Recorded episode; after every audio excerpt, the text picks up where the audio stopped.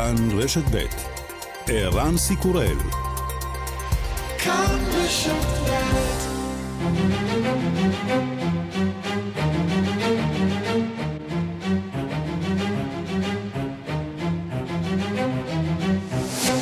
השעה הבינלאומית 10 בספטמבר 2023 והיום בעולם. במרוקו ממשיכים כוחות ההצלה לנסות לאתר ניצולים מתחת להריסות לאחר רעידת האדמה, שבה נהרגו יותר מאלפיים בני אדם. كنا جالسين عادي حتى كنحسوا بالارض كتزعزع كلشي في الدار كيتحرك ما عرفنا شنو وقع قالت لي ماما هذا الزنزال قلت لها لا ما يمكنش صافي خرجنا كنجريو הופתענו מרעידה חזקה, כל הרהיטים בבית זזו ולא הבנו מה קורה. אמא אמרה זאת רעידת אדמה, אני אמרתי לא, אין סיכוי, ואז ברחנו מהבית. כוחות ההצלה מנסים כעת להגיע לאזורים המרוחקים יותר, למרות שרבים מהכבישים ההרריים ניזוקו או נהרסו. נזק משמעותי נגרם בעיר התיירות הפופולרית מרקש. נשיא ארצות הברית הודיע על הקמת מסדרון, מסילת רכבת ונתיבי סחר שיקשר את הודו עם המזרח התיכון ואירופה ויעבור בסעודיה, האמירויות, ירדן וישראל. ראש הממשלה נתניהו נרגש. החיבור הזה יגשים חזון רב שנים שישנה את פני המזרח התיכון, את פניה של ישראל, והוא גם ישפיע על העולם כולו. החזון הזה מתחיל בהודו, עובר דרך איחוד האמירויות, ערב הסעודית, ירדן, ישראל, ומגיע לאירופה. מתקפת האביב שהפכה למתקפת הקיץ של צבא אוקראינה הולכת ומתקרבת אל קיצה. בקרוב יגיע החורף והמצב בחזית לא מאוד שונה מזה שהיה בשנה שעברה. בתוך כך הנשיא זלנסקי מחליף את שר ההגנה וממנה את רוסטם אומרוב, השר החדש מפציר במערב להעביר עוד נשק. Ukrainian warriors today are sacrificing their lives for the core values of democracy and freedom. They need backup from your side, dear partners, and this backup is weapons. הלוחמים האוקראינים מקריבים היום את חייהם למען ערכי הבסיס של הדמוקרטיה והחירות. הם זקוקים לגיבוי מהצד שלכם, שותפים יקרים, והגיבוי הזה הוא נשק. יותר מ-30 אלף איש מכונסים בעיר מרקובה שבפולין לציון הקדשה לזכרה של משפחת אולמה שסייעה להציל יהודים במהלך השואה. כל המשפחה נרצחה לאחר שהנאצים גילו את מעשה הגבורה. wywieźli do wspólnej mogiły do Jagieły koło של פשבורסקה ידענו שהם הסתירו יהודים, אומר קרוב משפחתם, למרות שזה לא מצא חן בעיני אבא שלי, משום שהוא ידע את הסכנה. אבל יוזף אולמה לא פחד, הם לקחו אותם תחת קורת הגג שלהם ושמרו עליהם. וגם...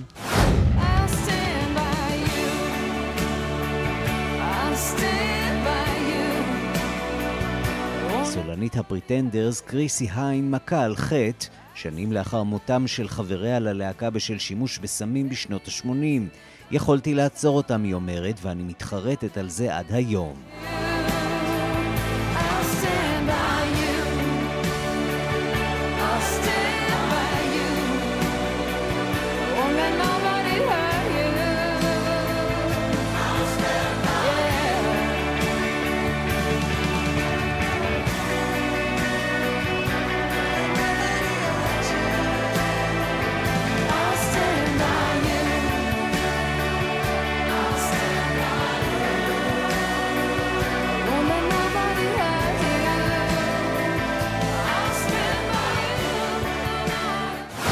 הבינלאומית שעורך עמית שניידר בביצוע הטכני שמעון דוקרקר, אני רנסי קורל, אנחנו מתחילים.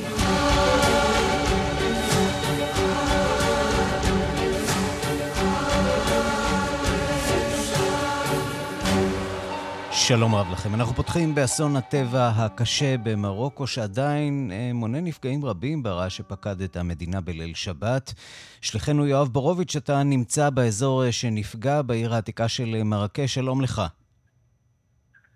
שלום ערן, צהריים טובים. אז באמת כאן בעיר העתיקה של מרקש, מה שאנחנו רואים זה מראות באמת לא פשוטים בכלל.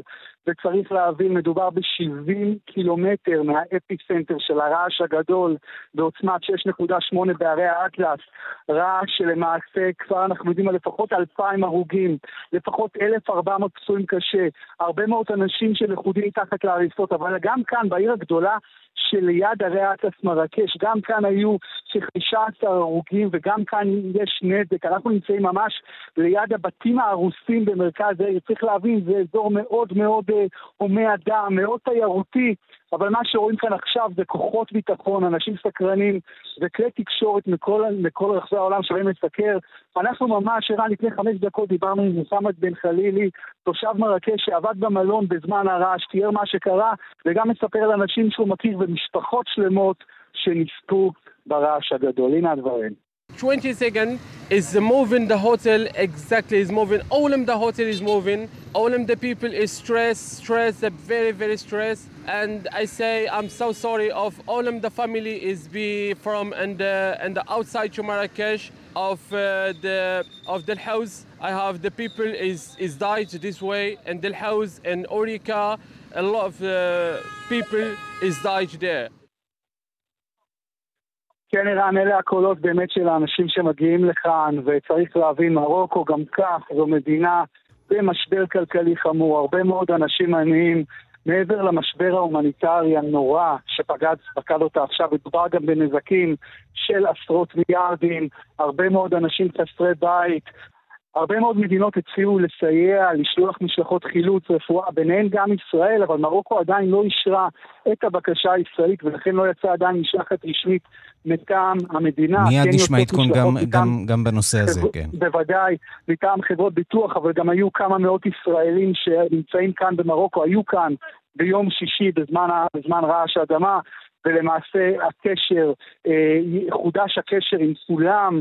לפי מה שאנחנו יודעים ומדווחים, אז אלה לפחות חדשות טובות, אבל כאן במרוקו באמת כולם מדברים על האפטר שוק, על, על, על, אתה יודע, על, על, על ההדף ועל מה שקרה לאחריו של האסון הגדול, אסון שלא פקד את האזור הזה במשך עשרות שנים רבות. יואב ברוביץ', שליחנו למרקש, אתה כמובן אה, תוסיף ותעדכן לאורך אה, כל היום הזה, גם אה, בכאן רשת ב' וגם בכאן 11. תודה רבה לך על הדברים. תודה. מדינות רבות בעולם, בהן ישראל הציעו סיוע אה, למרוקו בעקבות רעידת האדמה באזור אה, מרקש. ראש תחום העולם הערבי רועי קייס, שלום לך. שלום ערן, צהריים טובים. איפה זה עומד אה, אה, עכשיו, גם מבחינת הבקשה, ההצעה של ישראל לסייע? עד כמה המרוקנים פתוחים לסוג כזה של סיוע? אז uh, ציינת את המילה עומד, ונראה שזו תמונת המצב גם כרגע, זה בעיקר עומד, כלומר זה לא מתקדם לאיזשהו מקום, לפחות לפי מה שאני מבין, uh, גם מבחינת הצד המרוקני. תראה, ביממה האחרונה, כפי שיואב uh, הזכיר, לא מעט מדינות ברחבי העולם ובאזור הציעו סיוע למרוקו, פרט לתנחומים, פרט להודעות הסולידריות. למשל, קטאר אמרה שהיא שולחת צוותי חילוץ למרוקו, אה, האמירויות דיברה על גשר, אה, גשר אווירי של סיוע הומניטרי. עוד מדינות אה, באזור הציעו סיוע, כמו סעודיה, וגם כאמור ישראל שהציעה לשלוח משלחת חילוץ כדי לסייע באזור שפקד את רעידת האדמה. אבל נראה שכרגע לפחות המרוקנים בעיקר מתבססים על הכוחות המקומיים, על כוחות הצבא, כוחות החילוץ של השלטון אזרחי שם, באזור uh, מרקש. אה, מה זה, מבחינת... זה עניין של uh, גאווה לאומית, או שבאמת הם מאמינים שיש להם יכולת להתמודד עם הדבר הזה לבד, כשכבר עכשיו אנחנו מדברים על uh, 2,000 uh, הרוגים. נכון. קרוב לוודאי שזה יסתיים גבוה הרבה הרבה יותר. לשום מדינה אין ממש יכולת להתמודד לבד עם אירוע בסדר גודל כזה. נכון, אז אני חושב שזה שילוב של uh, השניים, גם uh, מבחינת באמת הגאווה הלאומית וגם אה, אולי האמונה שלהם שבאמת הם אה, מסוגלים להתמודד עם אירועים כאלה, שהם התמודדו איתן בעשרות השנים האחרונות. אה, תראה, צריך היום להגיד שראינו את זה גם בטורקיה, שהגיעו לשם המון המון צוותי חילוץ, זה יוצר גם אולי מצב של כאוס, למרות ש...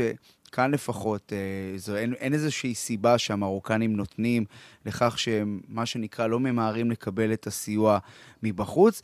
כן אגיד שאתמול מלך מרוקו מוחמד השישי כינס לראשונה אה, ישיבה, אה, ישיבה עם בכירי הממשל בארמונו בעניין, בעניין רעידת האדמה וההשלכות שלה, ובה למעשה המלך אה, דיבר על כך שהוא מעריך מאוד את ההצעה של מדינות ברחבי העולם, אחיות וחברות, כך הוא הגדיר אותן, להגיש סיוע למרוקו. מה שלא צוין בהודעה זה באמת האם מרוקו מקבלת את הסיוע הזה, אה, ולמה היא, מה שנקרא, מתמעמד בקבלת אה, הסיוע הזה. ואני חייב להגיד לך, אה, ציינת משהו חשוב, שאנחנו רואים את גודל האסון, אז אפשר לומר שלפחות מהשיחות שאני מקיים עם אנשים בשטח, שבאמת המצב לא פשוט באזור הזה. מדובר באזור הררי מאוד, אזור שקשה להגיע אליו. הרי היום... האטלס בעצם. נכון, כן, אזור כפרים שנמצאים ממש בהרי האטלס. אה, אנחנו לא מדברים, אה, זה אזור שנמצא עשרות קילומטרים ממרקש, זה לא נמצא ממש ליד מרקש. ולכן יש פה באמת קושי, קושי גדול. כן, חשוב להגיד שמבחינת החברה במרוקו, החברה ובכלל הציבור המרוקני הוא מאוד מאוד נשמע למה שההנהגה אה, אומרת, יש הערכה מאוד גדולה למלך, המלך זה סוג של טאבו, ולכן כרגע בעיקר יש ניסיון, אני חושב, מבחינת המרוקאים לראות איך הם מצליחים להסתדר בעצמם, אם כי אין להוציא מכלל אפשרות שאנחנו כן נראה בימים הקרובים, גם כן שהסיוע יתחיל להגיע, בעיקר סיוע הומניטרי, כי יש שם גם מעבר לעניין של החילוץ הפיזי של האנשים מתוך ההריסות, אה, יש גם צורך בלא מעט סיוע הומניטרי מבחינת מצרכי מזון, מבחינת תרופות, מבחינת אנשים שנותרו חסרי כול, יש לא מעט אנשים שאיבדו את הבתים שלהם, אנשים שישנים ברחובות. כלומר, יש פה אירוע מאוד משמעותי, ולכן גם אם עכשיו המרוקנים לא ממש ממהרים לקבל את הסיוע הזה, אה, ספק רב אם הם יצליחו להסתדר בלעדיו, אם אנחנו נראה את האירוע הזה נמשך ונמשך, ומההיכרות שלנו זה אירוע שלא יסתיים מחר ולא מחרתיים, אלא הוא צפוי להימשך אה, כמה ימים טובים. רועי קייס, אה, כן, כמה ימים רעים למרבה הצער. רועי קייס, אה, ראש תחום העולם הערבי, תודה רבה לך. תודה. ושלום לפרופסור אנדרי לוי, אנתרופולוג מאוניברסיטת בן גוריון. שלום וברכה. ראשית, איך אתה מבין את החוסר התלהבות המרוקנית לקבל סיוע, מדינה כמו ישראל שיש לה ניסיון בחילוצים, עוד מדינות שרוצות אה, לשלוח סיוע הומניטרי, והמרוקנים לא ממהרים. אה, למען האמת, אה, קשה, קשה מאוד לדעת מה, מהי הסיבה. אני יכול כן להגיד שהפוליטיקה המרוקאית מתנהלת לא בצורה של חירום, אלא בצורה של קבלת החלטות מאוד איטית, עם מודעות עמוקה לתהליכים האיטיים ש... של, אה, שמתרחשים במרוקו, בגלל ההיסטוריה המאוד מאוד ארוכה של המדינה הזאת. מה, זה חשש שכוחות זרים אה, יסתובבו במדינה? אה, ש, כן. שאנשי צבא ישראלים יסתובבו למשל בזירות חיפוש וחילוץ? זה, זה יכול, יכולות להיות להם הרבה מאוד סיבות מדוע לא, ואפשר לנסות ולנחש אותן, אני לא יודע אותן. אני לא נמצא בחדרי החדרים שם, אבל אני כן יודע שמהלכים פוליטיים במרוקו הם מהלכים שהם לוקח להם הרבה זמן, והם מאוד מאוד איטיים, וזה סגולה ליציבות שלטונית. כן, אין ספק שיציבות שלטונית אה, יש שם, וראינו את זה גם אה, בתקופת אה, האביב הערבי. מרוקו, מדינה יציבה מאוד יחסית לכל מה שקורה באזור שלנו ובעולם הערבי.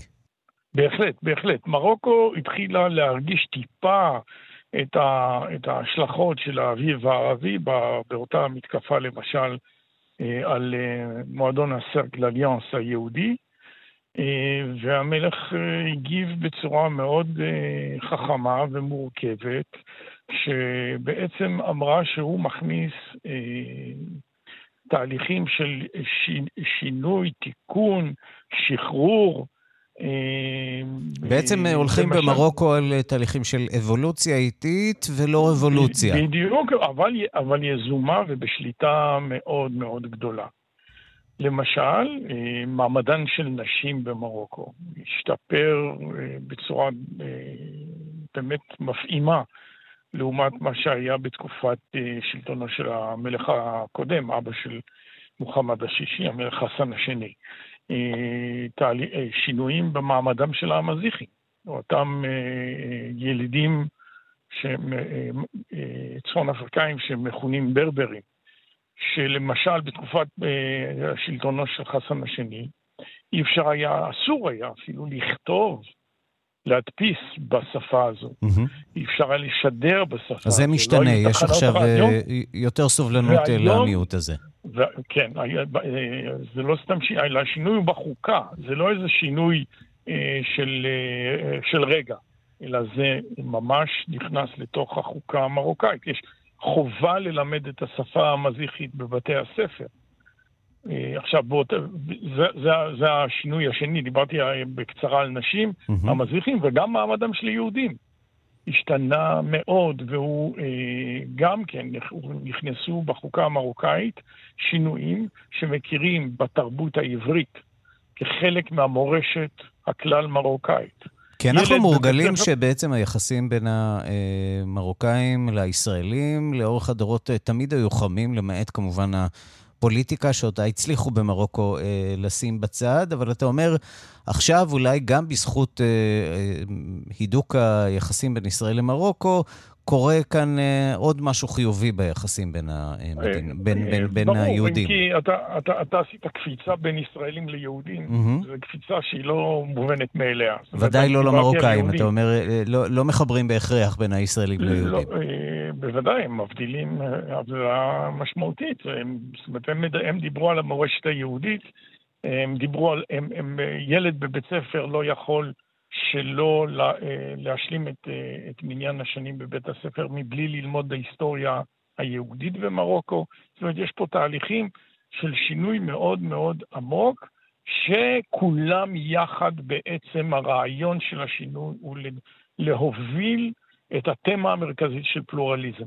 פלורליזם שבעצם רצון, איזה ניסיון לכונן את מרוקו כמדינה רב-תרבותית, מדינה שיש בה אה, אה, מגוון עצום, פסיפס עצום של, אה, של קבוצות של אנשים, והם כולם מרוקאים, והם, בכולם יש את המרוקאיות, והמרוקאיות מורכבת מכל הפסיפס הזה. אמר לי פעיל המזיחי, אני גם יהודי. מה זאת אומרת? ברור שאני גם יהודי. אני יהודי כי, כי היהדות, היהוד, היהדות היא חלק מהמרוקאיות, ואם אני מרוקאי, אני בהכרח גם יהודי. פרופסור ו- אה, אנדרי לוי, אנתרופולוג מאוניברסיטת אה, בן גוריון, תודה רבה לך על הדברים. בבקשה, בשמחה רבה.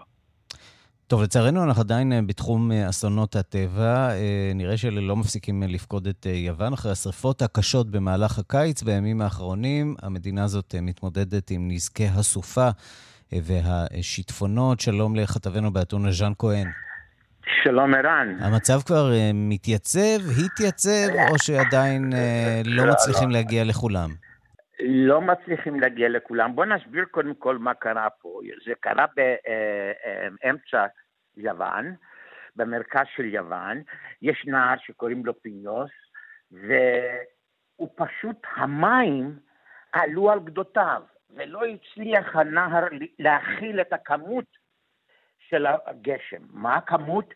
80 טון לדונם, ערן. בשביל ההשוואה, ב- ב- בלונדון בשנה לא יורד 80 טונות של גשם. אז אתה מבין על מה מדובר. זה היה וכל זה קורה אחרי שבוע, שבועיים של אה, שריפות איומות ברחבי נוראיות. יוון.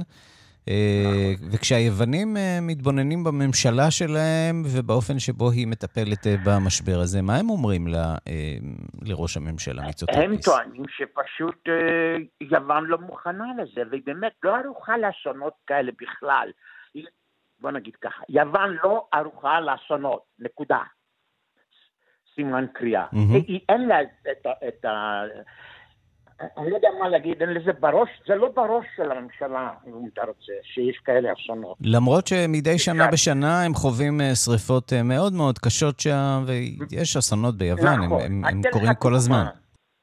אני אתן לך דוגמה על זה של, של אה, מוכנות. אה, מוכנות. אה, יש להם פומה, סופר פומה, הליקופטרים, שזה בדיוק בשביל הדבר הזה. לבוא ולהציל אנשים.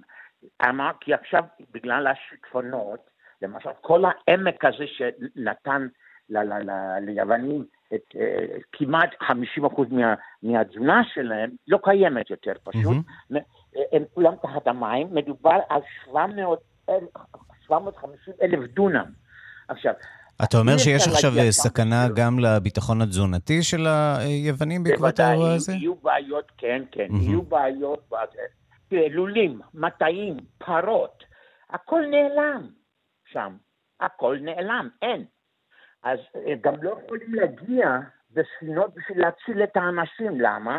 כי הגשמים סחפו את מכוניות, בתים, אה, בפחי אשפה, אז לא יכולים, פשוט אוניות הגומי לא יכולות להגיע לשם, כי פשוט אה, יש מתחת לבוץ דברים כאלה שמפריעים לתנועה הזאת של, ה- של ה-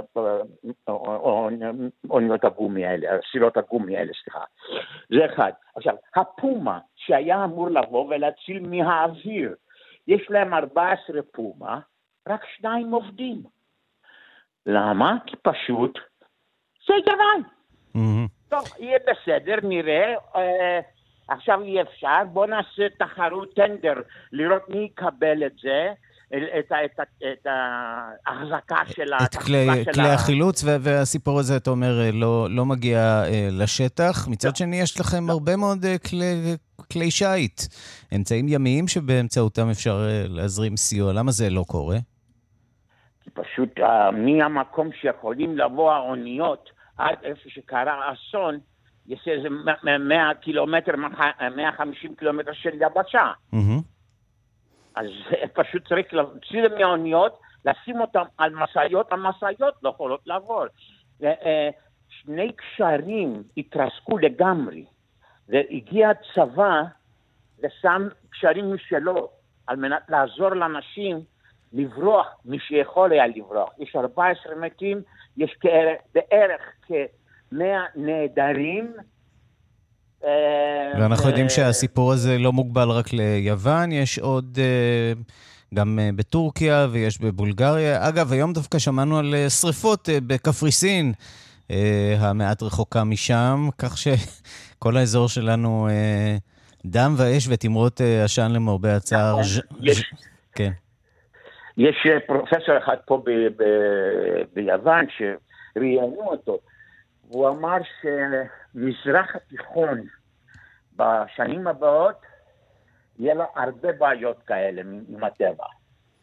מקווה שהוא לא צודק, מה אני אגיד לך? תשמע, ב- בוא נקווה שזה כבר יהיה אחרינו. אני מניח שזה מה ש... הלוואי, הלוואי. מה שנקרא במקרה הזה, אחרינו המבול, אבל כנראה שעוד אה, גם קצת בזמן שלנו. ז'אן כהן, כתבנו באתונה. תודה רבה. תודה. Thank you.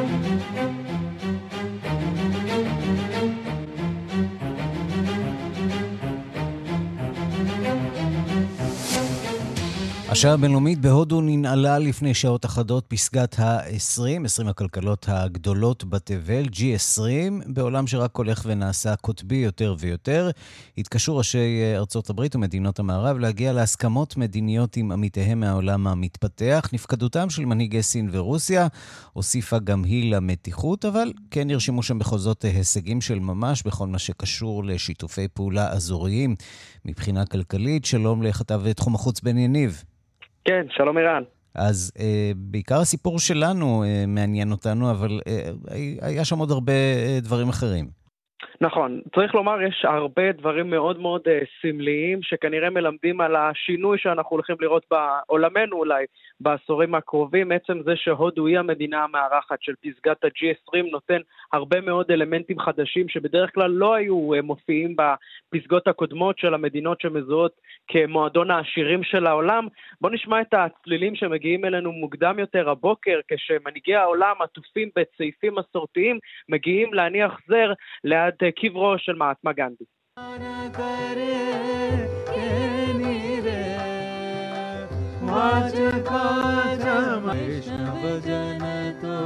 כן, אז ערן, זה לא יכול להיות יותר הודי מזה, נרנדה מודי. יש פה ריקודים באולפן, רק שתבין אה, מה, מה, מה הולך פה. אוקיי, בגלל זה צריך גם מצלמות אולי. אה, ואנחנו רואים את ראש ממשלת הודו בתמונות הללו אה, שם, ולצידו גם נשיא ארצות הברית ג'ו ביידן, הקאנצלר הגרמני אולף שולץ, נשיא צרפת עמנואל מקרו, כל המנהיגים החשובים של העולם למעשה מתכבדים בטקס הזה שלמעשה נועל את הפסגה שהחלה ביום אה, שישי, אבל עיקרה באמת היה אתמול בשורה של דיונים, כולל החלטה. החלטה, הצהרה למעשה, של כל החברות, כל 20 המדינות, על שורה של צעדים שכולן מחויבות לעשות אותם, ואולי הכותרת נמצאת בכל הקשור למה שהוא האירוע הכי גדול שקורה אולי בשנים האחרונות, כמובן המלחמה באוקראינה, שם בניגוד לעמדה של ארצות הברית, מערב, מדינות נאט"ו, הוועדה הזאת של מדינות ה-G20 אומרות אנחנו מתנגדות לעיקרון הזה של מדינה שמערערת על ריבונות של מדינה אחרת, אבל בהודעה הסופית שיוצאת uh, למגינת ליבו של נשיא אוקראינה זלנסקי, רוסיה לא מואשמת בהפרת ריבונותה של אוקראינה, היא לא מוזכרת בשמה, לא מוטלת שום אחריות על רוסיה,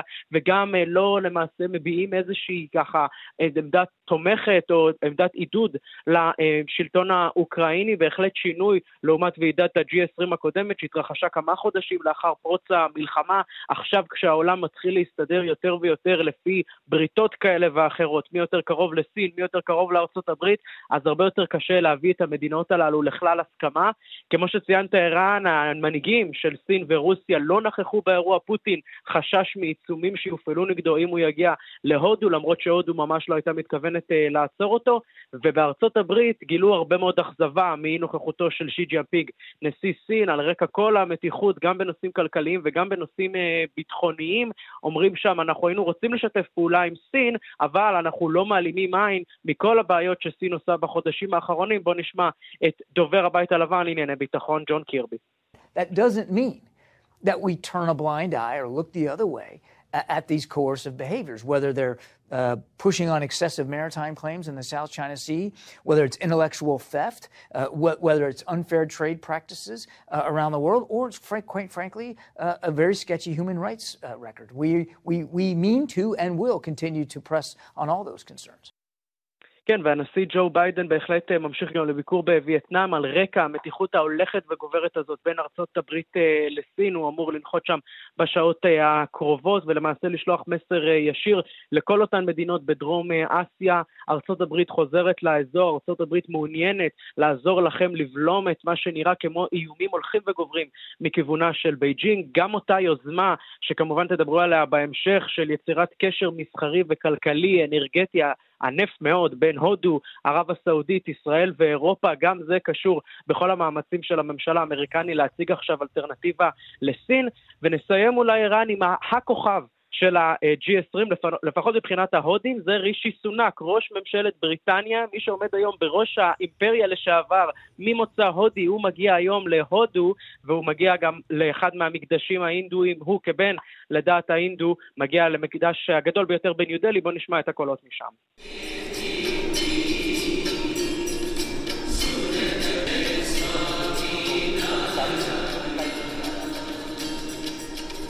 כן, טקס רב רושם שמתבצע לכבודו של ראש ממשלת אה, בריטניה, שלאחר מכן גם יוצא לרחבה שמול המקדש כשהוא למעשה יחף לצד אה, אשתו, שהיא נצר למשפחת אה, עשירה מאוד, למשפחה עשירה מאוד מהודו, אז הם הכוכבים מבחינת ההודים, והודו מרוויחה הרבה מאוד יוקרה בינלאומית, גם המדינה המאוכלסת ביותר בעולם וגם מדינה שעכשיו מתחילה להראות לנו שיש לה גם שאיפות בינלאומיות. כן, יש לה שאיפות בינלאומיות, וקודם כל יש לה אה, שאיפה לשנות את השם שלה. התבשרנו בימים האחרונים אה, שעובדים על זה קשה, מעבר השם מהודו לבהרת, מי יודע, נכון, אולי... נכון, וזה כבר הופיע על השלטים בישיבות של הפסגה של ה-G20, בעוד נרנדה מודי מדבר, לא הופיע שם שלט ראש ממשלת הודו, אלא הופיע שלט ראש ממשלת בהרת. כן, והם אומרים, אנחנו מתנתקים מהעבר הקולוניאלי שלנו, אבל בינתיים נראה שהקולוניאליסטים, אה, גם הם אה, למעשה... גם הקולוניסטים משנים את פניהם, צריך כן, לומר. כן. אז אה, יש פה איזשהו ערבוב מאוד מאוד מעניין.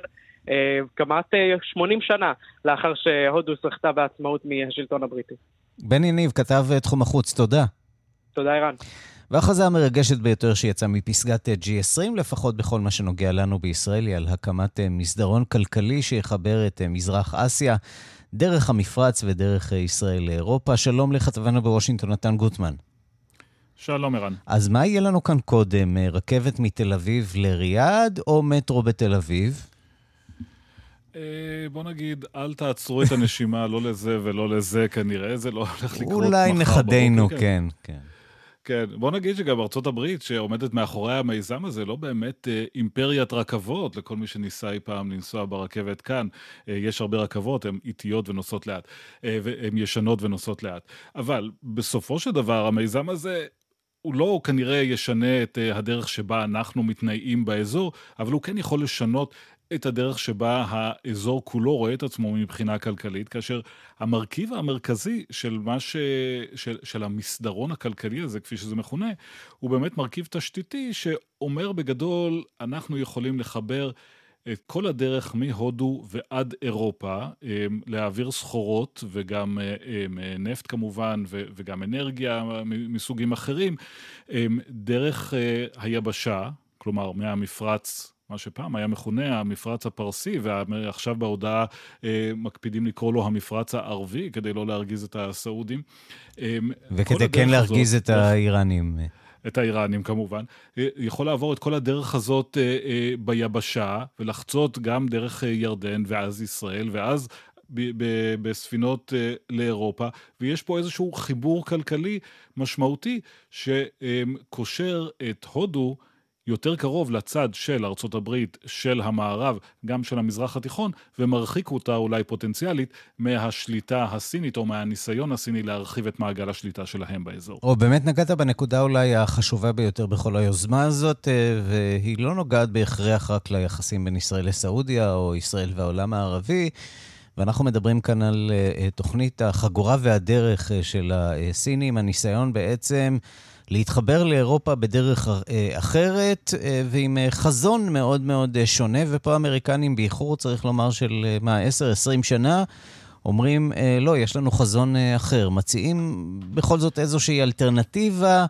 לדמוקרטיות או למדינות שמוכנות לשתף פעולה עם הדמוקרטיה הגדולה בעולם, עיין ערך סעודיה.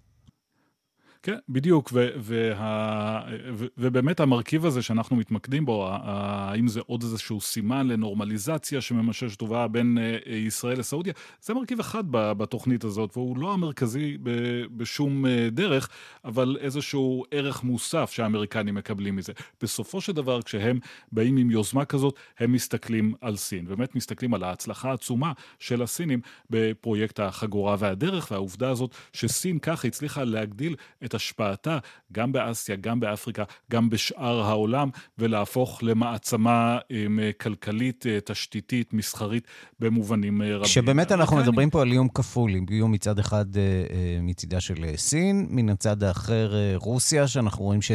הולכת ומשתלטת בדיוק. על אפריקה, נראה כאילו שארצות הברית נרדמת בשמירה בשנים האחרונות. תראה, ארה"ב דיברה המון ב-10-15 שנים האחרונות על הצורך הזה לעשות פיבוט, כמו שהם קוראים לזה, אה, לפנות מההתמקדות הזאת בענייני המזרח התיכון לטובת אה, התמקדות בענייני אה, מזרח אסיה והתחרות עם סין, והיא אף פעם לא הצליחה לעשות את זה, גם כי ענייני השעה תמיד דוחקים ותמיד יש איזו מלחמה שהם צריכים לנהל במזרח התיכון, וגם כי מעולם לא הקדישו לזה באמת את הצורך לעשות את זה. צריך גם להגיד שבתחום התחרות הזאת, אם יש תחרות בין המסדרון הכלכלי המוצע, הזה של ארצות הברית עכשיו לבין אה, הפרויקט החגורה והדרך של אה, הסינים, הידיים של הברית קצת קשורות, כי לתפקד כמדינה דמוקרטית ומדינה שיש בה שקיפות עסקית וכלכלית אה, ומסחרית מול הדרך שבה סין ניהלה את הפרויקט הזה, זה קצת קשה, זה קושר את הידיים של אה, ארצות הברית, שצריכה לעשות הכל מרצון, שצריכה להעביר תקציבים ולאשר אותם, שלא יכולה לעשות את החוזים מהסוג שסין עשתה עם המדינות שמקבלות את השירותים שלה, כך שהכל מתנהל הרבה יותר לאט. וגם הפרויקט הזה, צריך להגיד, יש כאן הכרזה מאוד דרמטית. אבל אין בינתיים אף שורה בתקציב האמריקני שמתייחסת לזה, כך שראינו התחייבות כמובן של הסעודים ל-20 מיליארד דולר, והם יכולים לעשות את זה בשנייה. ארה"ב עדיין לא הזיזה דולר אחד בנושא הזה. במילים אחרות, התשובה שלך היא שכנראה שנראה את המטרו עוד קודם. נקווה, אתה יודע, המטרו לחוץ לנו כאן יותר. תחרות קשה שם, כן. נתן גוטמן, כתבנו בוושינגטון, תודה. תודה, ערן. ובצל ועידת ה-G20, ראש ממשלת קנדה מחזק יחסי מסחר עם המדינות המתפתחות ועושה שרירים גם כן לסין, עם ספינת מלחמה במצרת טיוואן, כשבבית נפתחה חקירה ציבורית על התערבותה של סין בבחירות בקנדה, מה שיכול לעלות לטרודו ביוקר. מקנדה מדווחת כתבתנו לימור שמואל פרידמן. את ההישג הגדול של קנדה השיג ראש ממשלת קנדה עוד לפני ועידת 20 הכלכלות החזקות בעולם.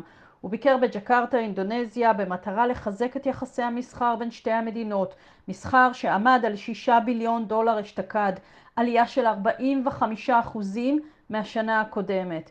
ובאופן חגיגי הוא הכניס רגל קנדית לפורום המדינות אינדו-פסיפיק שבין האוקיינוס השקט לים ההודי. We're officially launching. ASEAN is זו שנה חשובה לקנדה, כי אנחנו משיקים באופן רשמי את השותפות האסטרטגית קנדה-אסיה, אמר טרודו בנאומו בסוף השבוע בפתיחת ועידת הפורום האסייתי-הודי-פסיפי. קנדה היא היצואנית הגדולה בעולם של מוצרי מזון, מדבירים לחקלאות ומינרלים לייצור פאנלים סולאריים וסוללות. קנדה יכולה לספק ביטחון תזונתי ופיתוח של אנרגיה נקייה למדינות מתפתחות בדרום מזרח אסיה, והן מצידן יעזרו לרופף את הישענותה של קנדה על סין, שותפת הסחר השנייה בגודלה לקנדה, אחרי ארצות הברית. Understanding that insecurity and instability around the world is one of the greatest challenges not just to economies but to democracies. צריך להבין שחוסר יציבות וחוסר ביטחון בעולם הוא אחד האתגרים הקשים, לא רק לכלכלות, גם לדמוקרטיות, הוסיף טרודו. ונדמה כי יותר מאשר הוא רוצה לעשות עסקים, הוא רוצה להיפרד מסין ונכנס בה מכל החזיתות. בעוד הוא נואם, שטה ספינת מלחמה קנדית במים הבין-טריטוריאליים שבין סין לטיוואן, ועל סיפונם מיוחצן כתב CBC דיוויד קומון. We speak to you from the helicopter deck here on HMCS Ottawa. There is a Chinese destroyer over there and over there, flanking both sides of this Canadian frigate as it journeys through the East China Sea. והוא מציג את המשחטות הסיניות משני צידי הספינה הקנדית, גם ספינה אמריקנית מאחוריו ואחת מטיוואן. סין חתכה בהפגנתיות לפני כמה חודשים ספינה אמריקנית בניסיון לטעון ריבונות על טיוואן, והספינה הקנדית ערוכה כעת לכל תקרית. מה קרה לקנדה שהפכה מיליטנטית כל כך? נזכיר שקנדה וסין עלו על סרטון לפני חמש שנים עם מעצרה של סמנכ"לית ענקית הטכנולוגיה חוואווה בוונקובר, לדרישת ארצות הברית בזמנו. סין בתגובה עצרה שני אזרחים קנדים ובעסקת חילופי שבויים הם שוחררו אחרי שנשיא ארצות הברית ביידן ביטל את בקשת ההסגרה של הסמנכ"לית החשודה שמכרה מארצות הברית מוצרים טכנולוגיים לאיראן חרף העיצומים על איראן וגנבה פטנטים מחברות אמריקניות. מאז הוציאה קנדה לאזרחיה אזהרת מסע לסין.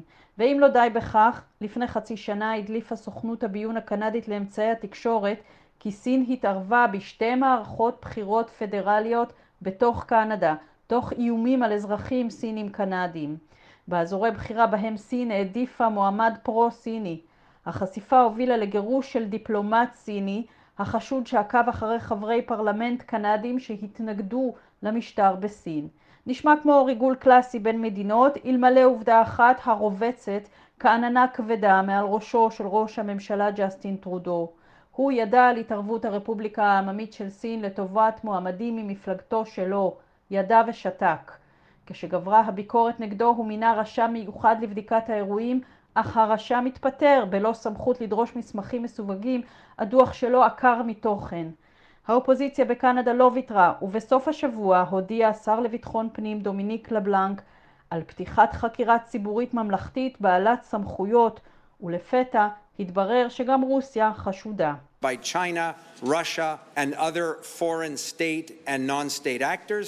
Justice UGG will also look at the flow of information to senior decision makers, including elected officials. בנוסף להפרעה של סין ורוסיה ומדינות אחרות, השופטת תבדוק מעבר מידע בדרג גבוה, כולל נבחרי ציבור. השופטת מארי ג'וזה אוג, שנבחרה על דעתה של האופוזיציה, תפעל על שעון מתקתק. בתוך פחות משנה וחצי עליה להציג מסקנות. האם המסקנות האלה יעלו לטרודו ביוקר, נדע ממש עם פתיחת קמפיין הבחירות הפדרליות ב-2025. מקנדה לימור שמואל פרידמן.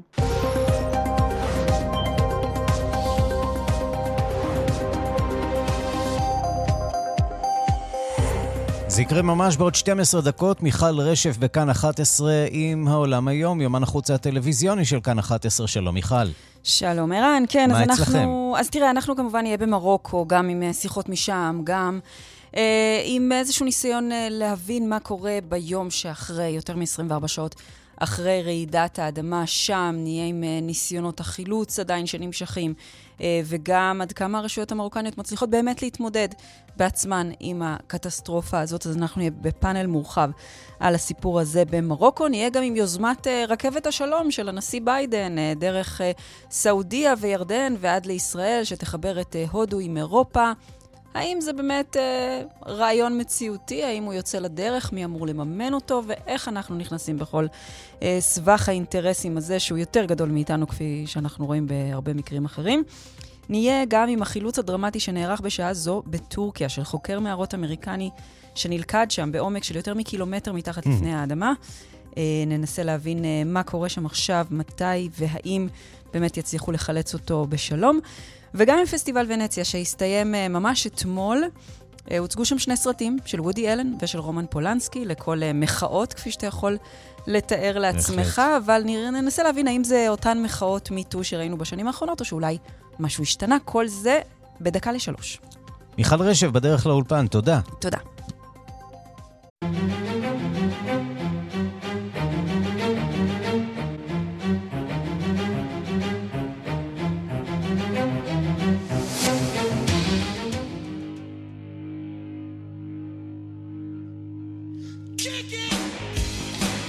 בניו יורק נחנכה כיכר הביסטי בויז, כן? על שם אותה להקה פרועה שפרצה לחיינו אי שם בשנות ה-80 ומזוהה כל כך עם התפוח הגדול. איתנו כאן אה, באולפן אחד המעריצים הגדולים של הלהקה כאן אה, בישראל, כתבנו עופר חלפון, שלום עופר. שלום ערן. חגיגה גדולה. כן, כן, חגיגה גדולה. הם בעצמם אפילו לא האמינו, אה, אה, חברי הביסטי בויז, אחד מהם נפטר לפני כמה חודשים, אני, לפני כמה שנים, אני אומר נפטר כי הם באים ממשפחות יהודיות. אז אה, אתמול בניו יורק, ב-Lower East Side, East Side, אה, במקום שבו צולמה עטיפת אחד התקליטים הכי גדולים שלהם, Paul's Boutique, שם נחנך, אה, אה, נחנך כיכר ביסטי בויז. בואו נשמע את אדם הורוביץ, אד רוק, מודה לעיר ניו יורק.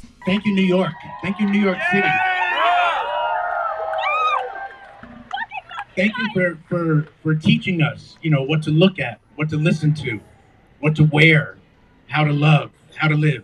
Thank you, New York. Okay. Thank you. תודה שלימדתם אותנו למעשה איך לחיות, איך להתלבש, איך להתנהג. ונכון, הם היו באמת, הם, הם גם כן אייקונים של אופנה, אה, הביסטי בויז. אז אה, זה באמת מוזר, גם לאנשי הביסטי בויז, כי באמת בתחילת הדרך שלהם, והרבה שנים הם היו מאוד מאוד פרועים, אתה, הם הופעות עם אה, נערות גוגו שמופיעים איתם, הם היו, גם ליוו את מדונה באיזשהו שלב, אבל הם מאוד מזוהים עם ההתפתחות של ההיפ-הופ, עם החשיפה של ההיפ-הופ לקהל הלבן בשנות ה-80 ובשנות ה- ובשנות ה-90.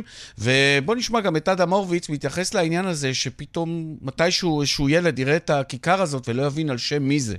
But it makes me really happy to know that some kid on their way to school 50 years from now is going to pass by this and look up and be like, what the fuck is a Beastie Boy? Why did they get a, square?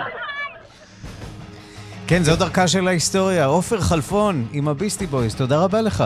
תודה, ערן. ועד כאן השעה הבינלאומית שערך עמית שניידר, בביצוע הטכני יאיר ניומן ושמעון דוקרקר. אני ערן סיקורל, מיד אחרינו רגעי קסם עם גדי לבנה. הישארו עמנו. להתראות.